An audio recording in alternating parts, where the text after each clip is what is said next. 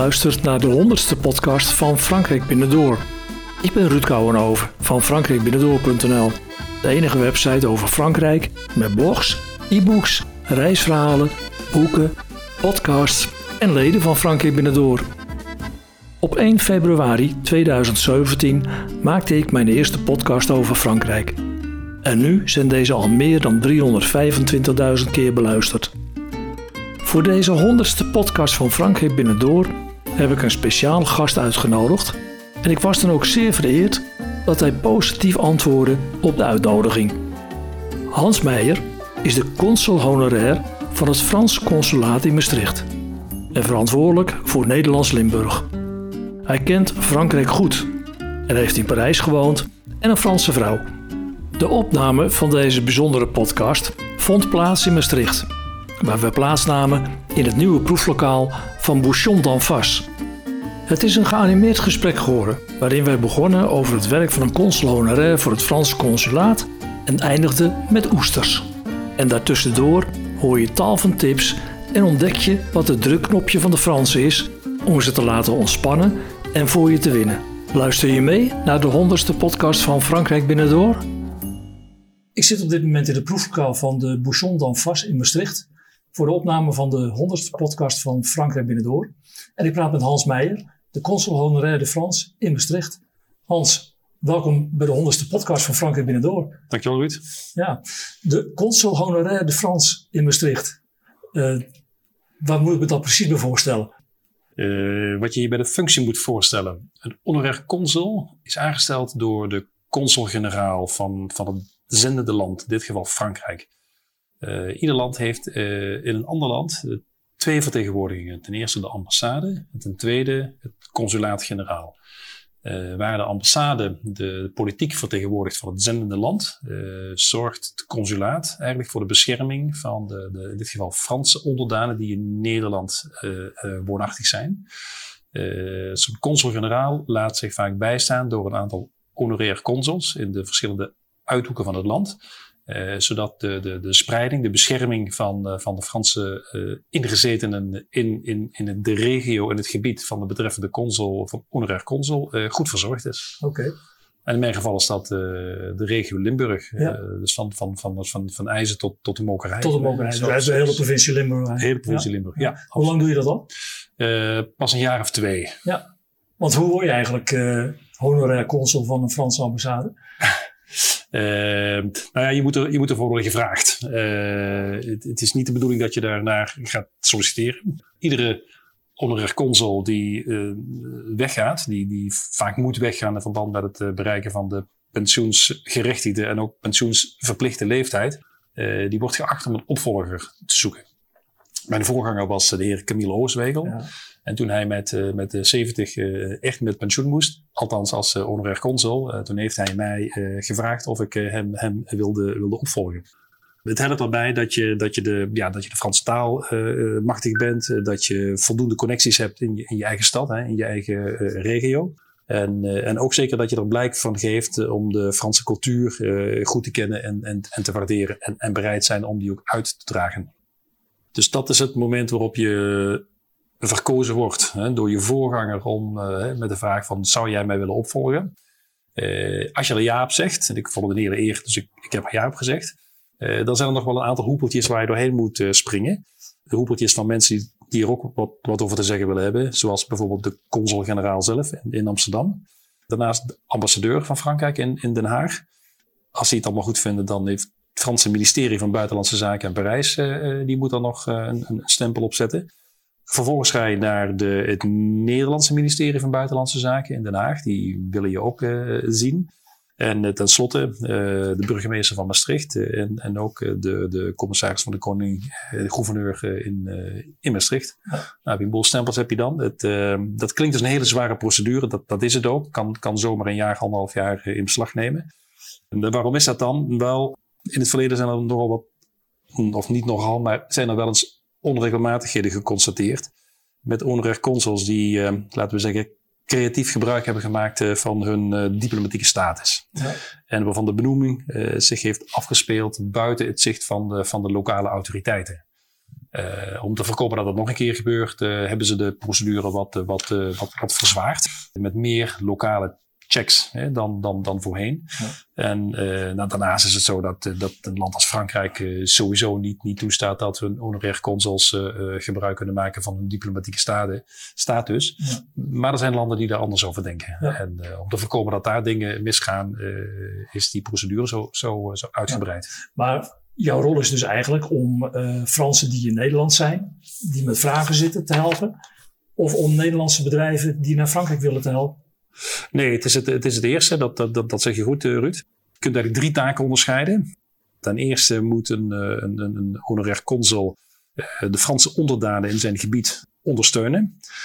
dat kan zijn met, met administratieve zaken, zoals het aanvragen van een nieuw paspoort, een, een nieuwe identiteitskaart. soms zijn er ook andere certificaten nodig van, van uiteenlopende aard. Uh, maar het kunnen ook andere hulpvragen zijn die, eh, die soms heel plotseling opkomen. Uh, als mensen als Fransen in, in, in de regio Limburg bijvoorbeeld een ongeluk krijgen. Of als ze problemen hebben met politie of, of justitie. Dan hebben ze eigenlijk altijd het recht om bijgestaan te worden door, door, door, een consul. Ja. Maken ze er altijd gebruik van? Nee, maar het is internationaal afgesproken. En dat als jij in het buitenland op een gegeven moment in, in een precaire situatie zit, dat je dan altijd recht uh, hebt op, uh, op bijstand, consulaire bijstand uh, vanuit je eigen land. Ja, okay. Dan heb je die situatie in de twee jaar dat je het nu bent alles meegemaakt? Nee, nog niet. het, het, het, is het, er zijn wel duidelijke afspraken met, met, met justitie en met politie. Hè, dat als mensen ja. worden gearresteerd, hè, dat er altijd wordt aangeboden van wil, je, wil je bijstand, consulaire bijstand. En dan zie je heel vaak dat ze dat juist niet willen, omdat ze vaak de autoriteiten in hun eigen land uh, ontvluchten. dus als de eerste of de tweede vraag is in dit land van uh, wilt u bijgestaan worden door iemand uh, waarvan zij dan denken dat hij hele sterke connecties heeft hè, met de autoriteiten van het land waar ze net, net vandaan komen. Uh, ja, dan zie je heel vaak dat ze zeggen van nee, dat wil ik, dat wil ik zeker niet. Ja, maar het is honorair consul. Het is, het is eigenlijk een erebaan dus. Ja, zo is het ook. Ja, dat zegt het ook. Hè. honorair. Het is ook niet, niet bezoldigd. Ja. Uh, ja, je wordt ook geacht om er een, uh, een deel van je vrije tijd in, in, in te stoppen. Uh, je wordt ook geacht om goede connecties te hebben in het gebied waar je werkzaam bent. de lokale autoriteiten, kan de gouverneur zijn, dat kan de burgemeester zijn, maar kunnen ook bijvoorbeeld een voorzitter van, van de universiteit zijn. Die vinden het heel fijn als ze lijntjes hebben naar uh, zeg maar de, de, de ambassades en de consulaten-generaal van, van de grotere landen, althans de landen die bijvoorbeeld mee financieren aan onderzoeken. Dus het is een soort van, het is een soort diplomatiek smeermiddel, eh, zou, zou, zou je kunnen zeggen, uh, om de relaties goed te houden, om de lijntjes kort te houden. zowel voor het, voor het sturende land. Hè. Op, op deze manier hebben ze namelijk iemand met de boots on the ground, hè, om ja. goed Frans te zeggen. En andersom, ja, wat ik net uitleg, andersom ook. Eh, dus als, als de lokale autoriteiten vragen hebben, ze weten niet precies of ze iemand in, uh, in Amsterdam of Den Haag moeten bellen, dan uh, komt dat verzoek vaak bij mij terecht. En dan weet ik doorgaans wel of de naar, te vinden naar, naar Den Haag, ambassade Den Haag, ja. dan wel de, ja. consulaat-generaal in Amsterdam moet worden doorgeleid. Ja. Helemaal in het begin vroeg ik van, ja, wat, wat is nu eigenlijk zo'n honorair consul? Toen zei je, dat moet iemand zijn die ook wel wat roots in Frankrijk heeft, die de cultuur van het land kent, die het land kent. Dus jij kent het land.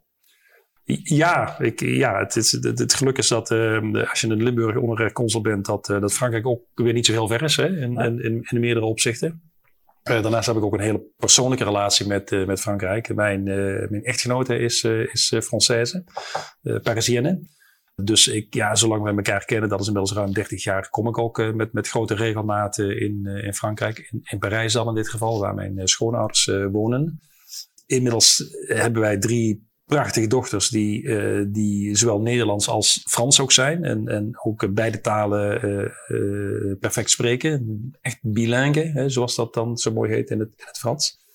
En niet onbelangrijk ook, ik heb daar zelf vier jaar gewerkt, gewoond en gewerkt in Parijs. Ja, in Parijs zelf. Ja, althans het, het, het hoofdkantoor van het bedrijf waar ik voor werkte, dat zat in Parijs. Ik heb wel het geluk gehad dat ik uh, vaak op reis mocht. En dat heeft mij in staat gesteld om ook vele uithoeken van, uh, van Frankrijk uh, te, te kunnen zien. Ja, daar ga ik zo meteen nog even op terugkomen. Je hebt al iets verteld over je privé situatie. Maar wie is Hans Meijer eigenlijk? Wat doe je voor de kost? Wat ik voor de kost doe. ik ben op dit moment ben ik, ben ik een van de managers van een Engels, Engelse start-up in de biotechnologie.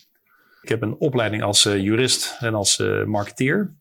En het uh, aardige van, van start-ups is, is eigenlijk dat ze mensen nodig hebben die, ja, die op van alle markten thuis zijn. En wat dat betreft kan ik mijn, mijn veelzijdige opleiding en, en achtergrondervaring ook perfect kwijt. En je kan dat goed combineren met je functie als honorair consul? Dat is soms wel eens moeilijk. Ja. Ja, het is... In welk opzicht? Nou, het, het, met name omdat het, het, het, professionele werk is moeilijk voorspelbaar. Maar wat nog veel moeilijker voorspelbaar is, is de, de, de, de taakjes die je krijgt uh, als honorair consul. Soms kunnen er opeens uh, kunnen dingen opspelen.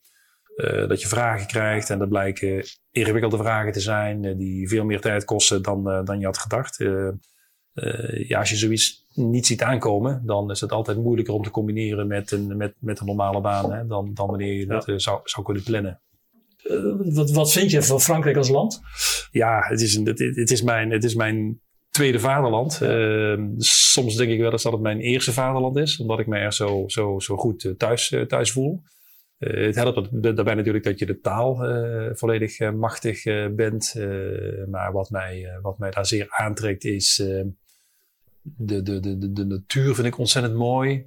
Uh, naast, naast jurist ben ik eigenlijk ook een beetje historicus. Niet, niet van opleiding, maar wel van, oh, van, van hobby. Kun je Frankrijk je hart ophalen? Ja, het is, het is gewoon ja. eindeloos. Hè. Ja. Ik, uh, ik, ik hou ook veel, heb altijd veel gehouden en altijd veel proberen bij te lezen op het gebied van kunstgeschiedenis.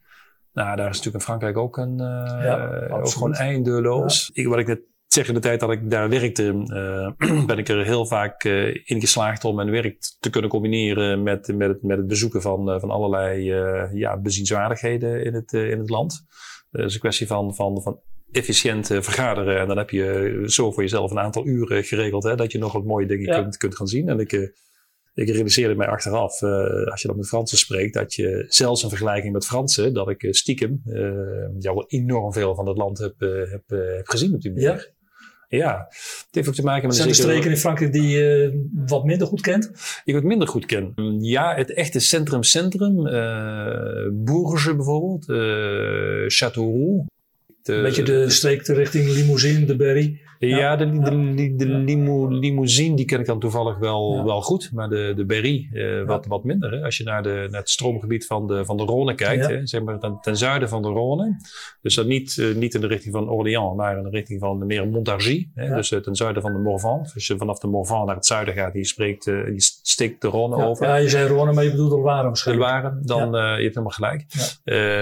dan ligt daar een gebied waar ik, waar ik eigenlijk nog niet, niet veel ben geweest. Maar ik zou bijna zo durven zeggen dat eigenlijk alle andere gebieden dat wij daar, dat we daar uitvoerig zijn geweest. Ja. Ja. En zijn er streken waarvan je zegt die er voor jou uitspringen? Je zegt, nou, als ik de kans kreeg om met mijn auto daar naartoe te gaan, of, dan ga ik daar naartoe? Ja, uh, ja, die zijn er wel. Uh, met name omdat je de auto uh, noemt. dan praat je over een, een, een, een ja, uur of vier, vijf rijden. Nee, is voor mij een, een, een, afstand waarvan ik zeg van nou, dan stop je vrijdagmiddag een uurtje eerder. Hè, en dan pak je de auto en dan ga je daar naartoe. En dan zijn het met name Normandië en, en Bretagne. Bretagne is dan wel nog weer een stukje, een stukje verder. Je hoort aan mij dat ik hè, van, van, van, van oorsprong Limburger ben, maar ik, ik, ik, ben eigenlijk wel, ik heb eigenlijk wel een zeemanshart. Ja. En uh, zowel Normandië als, uh, als Bretagne hebben natuurlijk een enorme maritieme ligging, maar ook een hele maritieme cultuur, hè, een, een historie. Normandië, de, de, naam zegt het al, hè, Normandië komt van de zee. Hè. Dat zijn de Noormannen die daar ooit via de zee zijn gekomen ja. en, en daar zijn gebleven.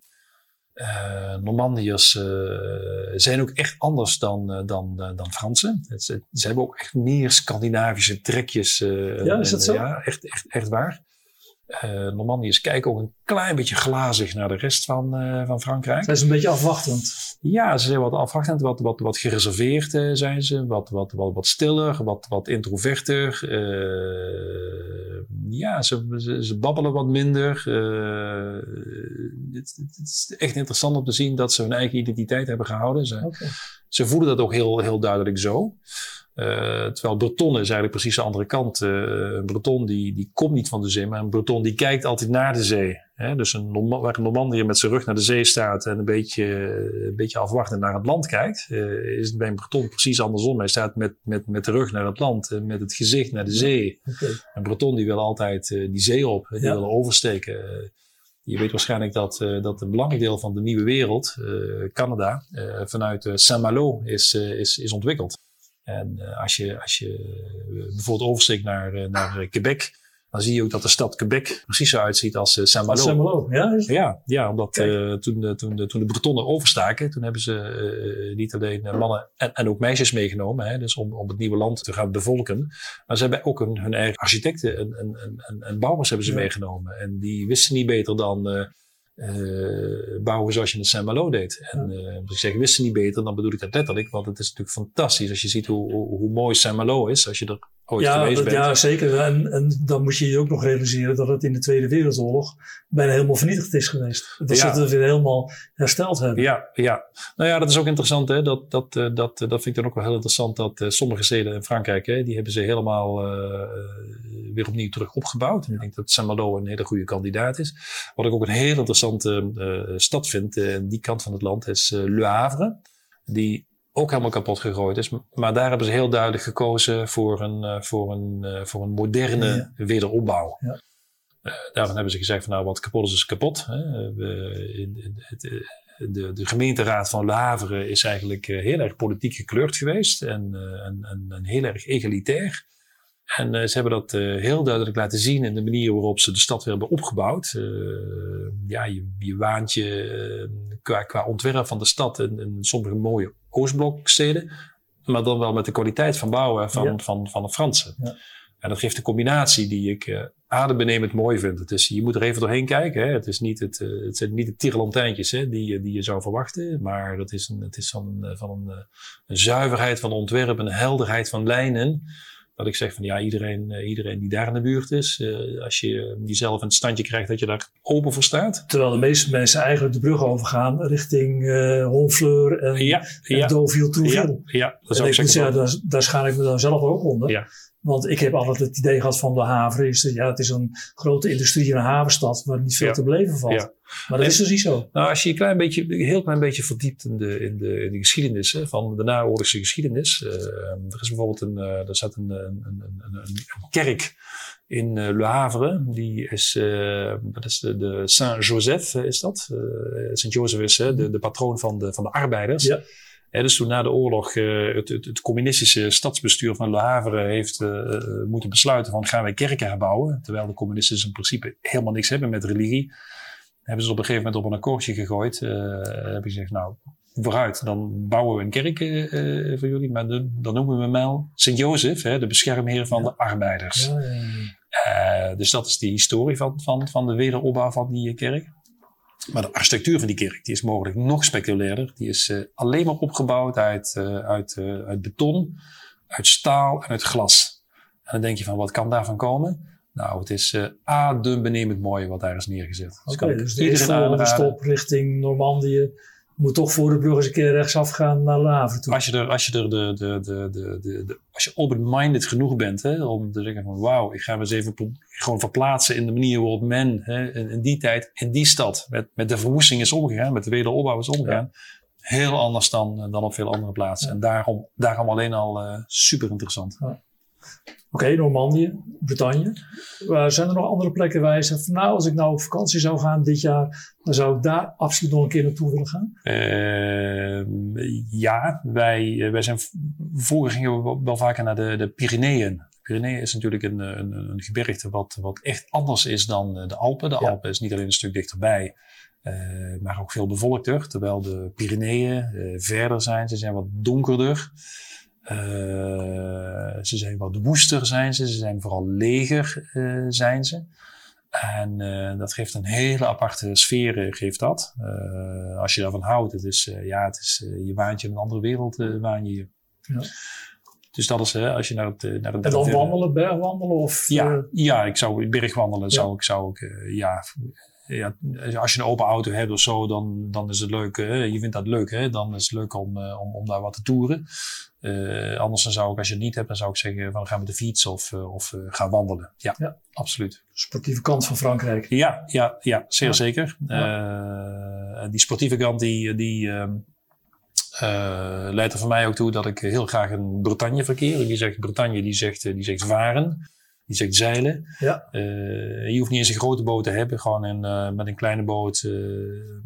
maar het liefst wel, ja, wel op, de, op, de, op de klimatologische omstandigheden en, en de mogelijke weersomslagen op zee voorbereid. Ja, het is, het is het paradijs als, je, als je van de zee houdt. Ja. En dus mensen die, eh, Zeilen. die in Nederland, ja, mensen die in Nederland van, van, van water houden, van, van zee houden, van, van de grote meren, de IJsselmeer houden, van het zeilen op de, op de Zeeuwse meren. Ik zou zeggen van ga vooral kijken hoe het in, uh, hoe het in Bretagne is. Uh, je gaat er helemaal idolaat van worden. Ja. Ik wil nog even met je terug naar Parijs. Je hebt daar vier jaar gewoond. Ja. Is het een stad waarvan je zegt van daar raak je niet uitgekeken? Of je woont er en oké, je woont in een, in een miljoenenstad? Hoe kijk je daar tegenaan? Heeft helemaal te maken met je persoonlijke interesses.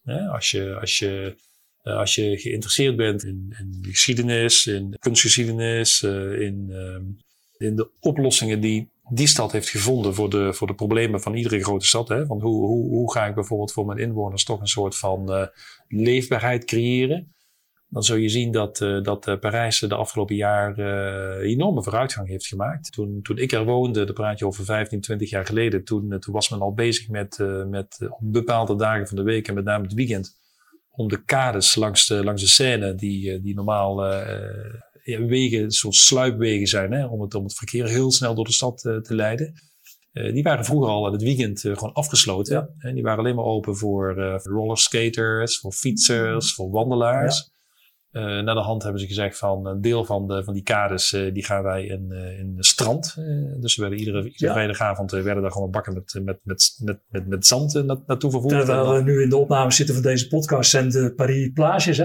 Ja, ja. E exact. Hè? Dus dat hebben ze, dat hebben ze doorgezet. Hè? Ja. De, de, huidige stadsregering die heeft daar echt wel verdere meters gezet. Ik kan me herinneren dat toen ik in Parijs werkte toen heb ik als Hollander nog één dag het idee gehad dat ik met mijn fiets naar het werk kon.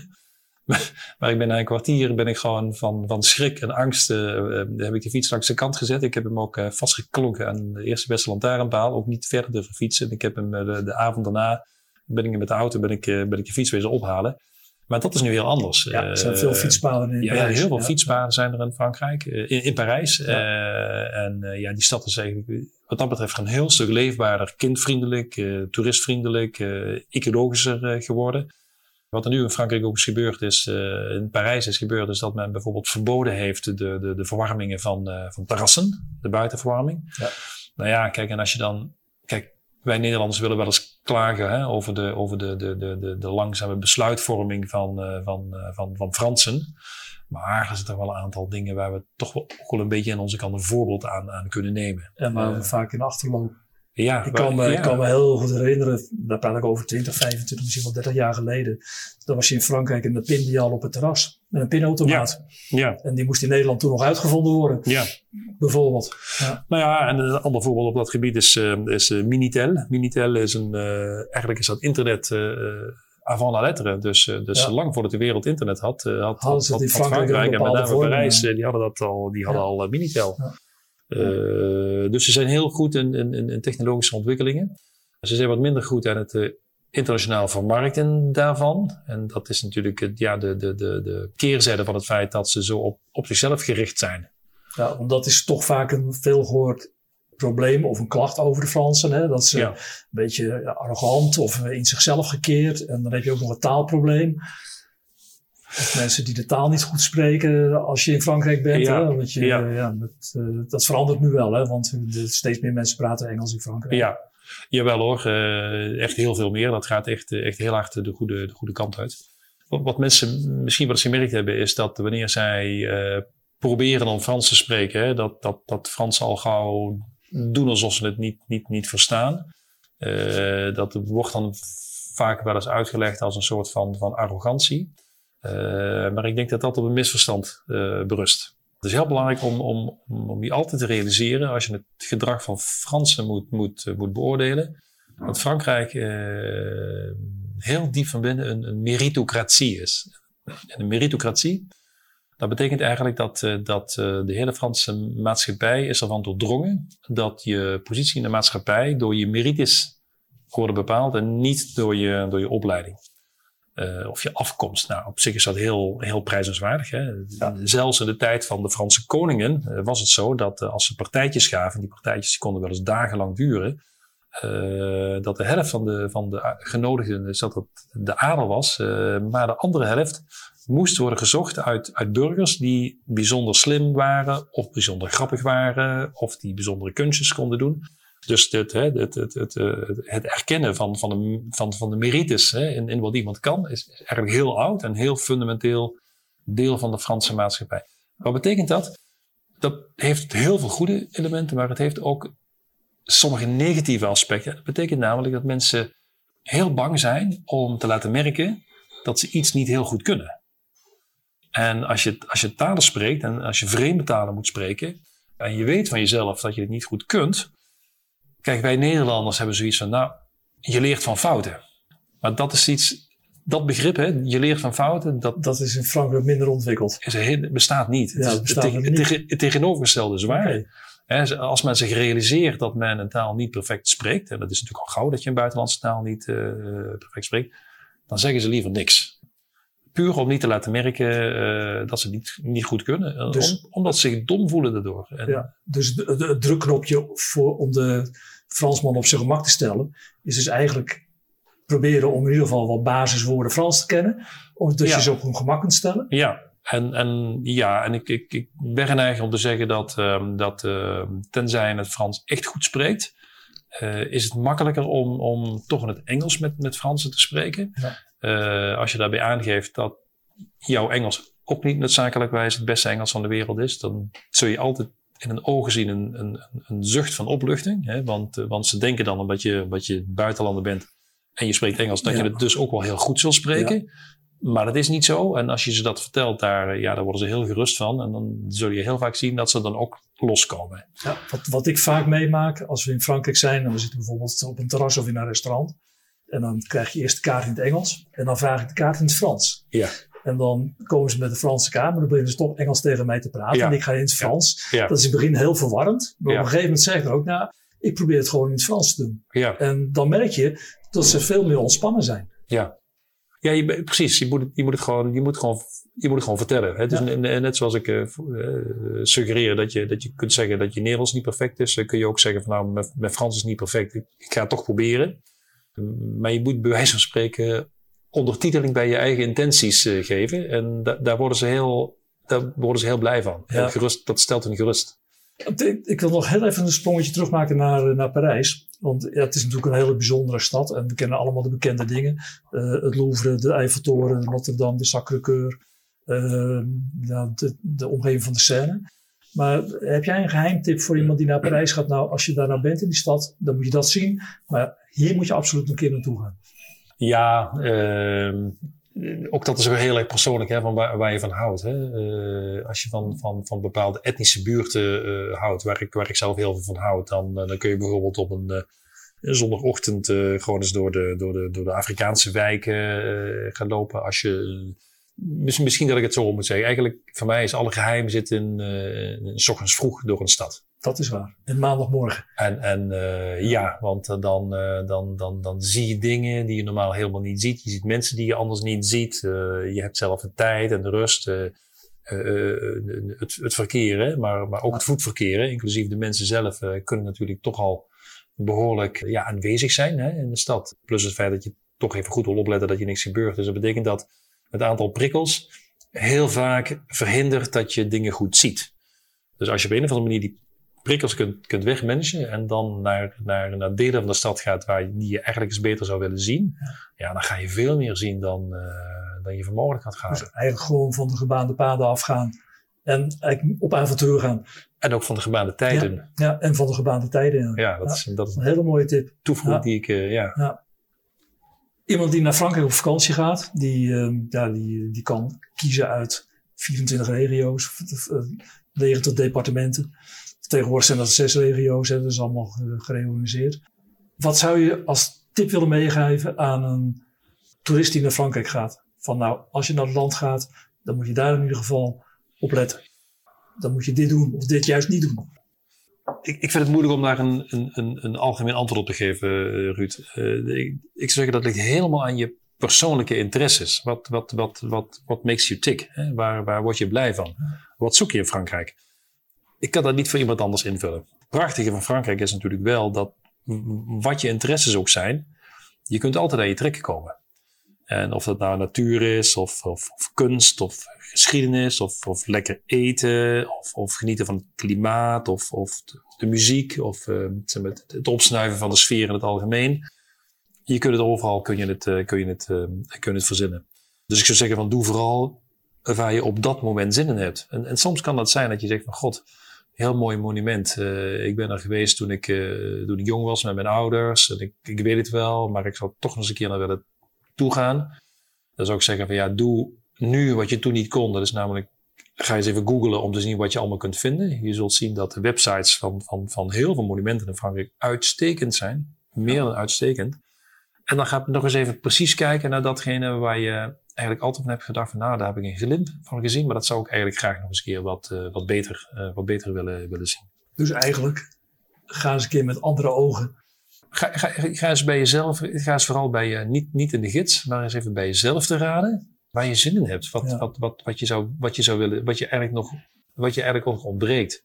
En de, de boeken die jij geschreven hebt, Ruud, die, uh, die stellen mensen denk ik uitstekend in staat hè, om, om als ze dingen willen gaan zien die niet tot twee, drie uh, bezienswaardigheden behoren. Ja, ga eens even bedenken wat, uh, wat, wat ontbreekt dan nog in je beleving van Frankrijk. Ja. En, en, en, en, ga erachteraan. Ja. We hebben het ook heel even over de Loire gehad.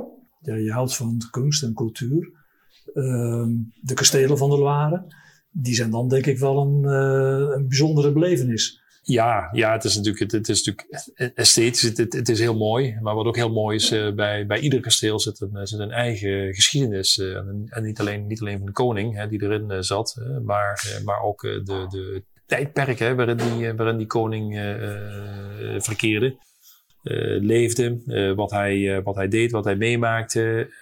wat er is gebeurd in het kasteel, wat er is gebeurd tussen het kasteel en andere delen van, van Frankrijk. Het, het, het verhaal van, zo'n, van ieder kasteel is eigenlijk veel mooier en veel dieper en breder dan, uh, uh, dan het kasteel zelf. De Loire wordt ook wel de tuin van Frankrijk genoemd. En dan kom ik een beetje bij lekker eten en wijn. Zijn er bijzonderheden waarvan je zegt, nou, ik eet wel de Frans, wat er op de Franse kaart staat, maar dat eet ik per se niet? Wat ik niet eet, je bepaalt orgaanvlees, daar, daar hou ik niet zo van. Maar dat is, en eigenlijk ben ik mezelf al, al 10, 20 jaar aan het zeggen dat ik mezelf daar gewoon maar zo overheen moet zitten. Het is ook, ben ik heel eerlijk in, dat ik, uh, dat ik lang uh, geen, geen oesters heb geapprecieerd. En ja, ik, ik, pleeg nou een moord voor oesters. Oesters in Bretagne, echt, ik, ik, ik kan er gewoon echt helemaal, helemaal los, los op gaan. Dus die, die trip, dat, dat zou ik nog eens, dat zou ik nog, toch nog eens een keer moeten proberen. Want waarschijnlijk mis ik iets enorms. ja iets wat, wat, wat, wat bij veel Nederlanders uh, heel erg onbekend is. Uh, en, en, en, zelfs bij sommige Fransen. Dat is iets wat ik van harte kan aanraden om dat te proberen. Dat is iets wat je in de Elzas kunt, kunt, kunt eten. En dat heet choucroute fruits de mer. Dus dat is uh, een zuurkool met, met zeevruchten. Ja. En dat, dat klinkt als een hele rare combinatie. En ik kon het ook niet geloven toen ik het voor de eerste keer zag. Maar als je dat probeert, het is zo onwaarschijnlijk lekker. Ja. Dus choucroute fruits de mer, okay. samen met een, met een crémant. Nou, je wil, je wil die dag verder helemaal ja, niks meer doen. Dus de crémant, dat is een, de met een bubbeltje erin. Een beetje mousserende ja, Elsass wijn. Ja. ja. Ja, inderdaad. Dus dat, dan hou je het echt heel regionaal, alles wat bij elkaar hoort. En dat zou mijn, dat zou een hele persoonlijke tip zijn om dat... Ik vond het leuk trouwens dat je net even mijn, mijn boek aanhaal, aanhaalde. Je hebt ze ook gelezen? Ik heb, ik heb er doorheen gebladerd. Bepaalde, Ik heb paar hoofdstukken gelezen. En ja. Uh, wat ik ook al eerder zei, uh, lang voordat wij spraken over dit, uh, deze podcast. ja, complimenten. Ik vind het echt een hele originele manier van kijken. En ik denk dat, ja, ik denk dat het in, in, de behoefte van heel veel mensen voorziet. En ik denk dat, dat, uh, dat uh, je, je, commercieel succes uh, daar ook een, een indicatie Ik denk het ook, ja. Ik had het drie jaar geleden niet durven te hopen. Ja. Dus, maar ik vond het heel leuk om, om zo met jou zo over Frankrijk te praten. Ik weet niet of er nog iets is dat je zegt van, ah, dat zou ik nog heel graag kwijt willen. En anders stel ik voor dat we naar de oesters gaan. Ja, ja dat, lijkt mij, dat, lijkt mij, dat lijkt mij helemaal prima. Ja, ik zou vooral, ja, ik zou vooral willen, een lans willen breken dat de, de, de, de, de, de onzekerheid die Fransen soms kunnen hebben in de, in de omgang met ons Noorderlingen, want zij zien ons echt als Noorderlingen. En, en zij zien ook een beetje tegen ons op. Dat, dat, uh, ik, ik kan me herinneren dat ik mijn echtgenote, toen was ze nog niet mijn echtgenote, dus een keer uh, mokkend vertelde dat ik uh, dat het liften, als student heb ik heel veel gelift, dat ik in Frankrijk, dat ik gewoon bijna nooit werd meegenomen. Dat vond ik heel vervelend. En toen vertelde ze mij dat, dat, zij, dat, dat Fransen ook niet gauw Noorderlingen zullen meenemen, omdat ze eigenlijk zo tegen Noorderlingen opkijken, dat ze ervan overtuigd zijn dat die zichzelf wel redden. Die zijn in hun ogen zo, zo groot en sterk en, en zien het allemaal, dat die hebben, die hebben onze hulp niet nodig.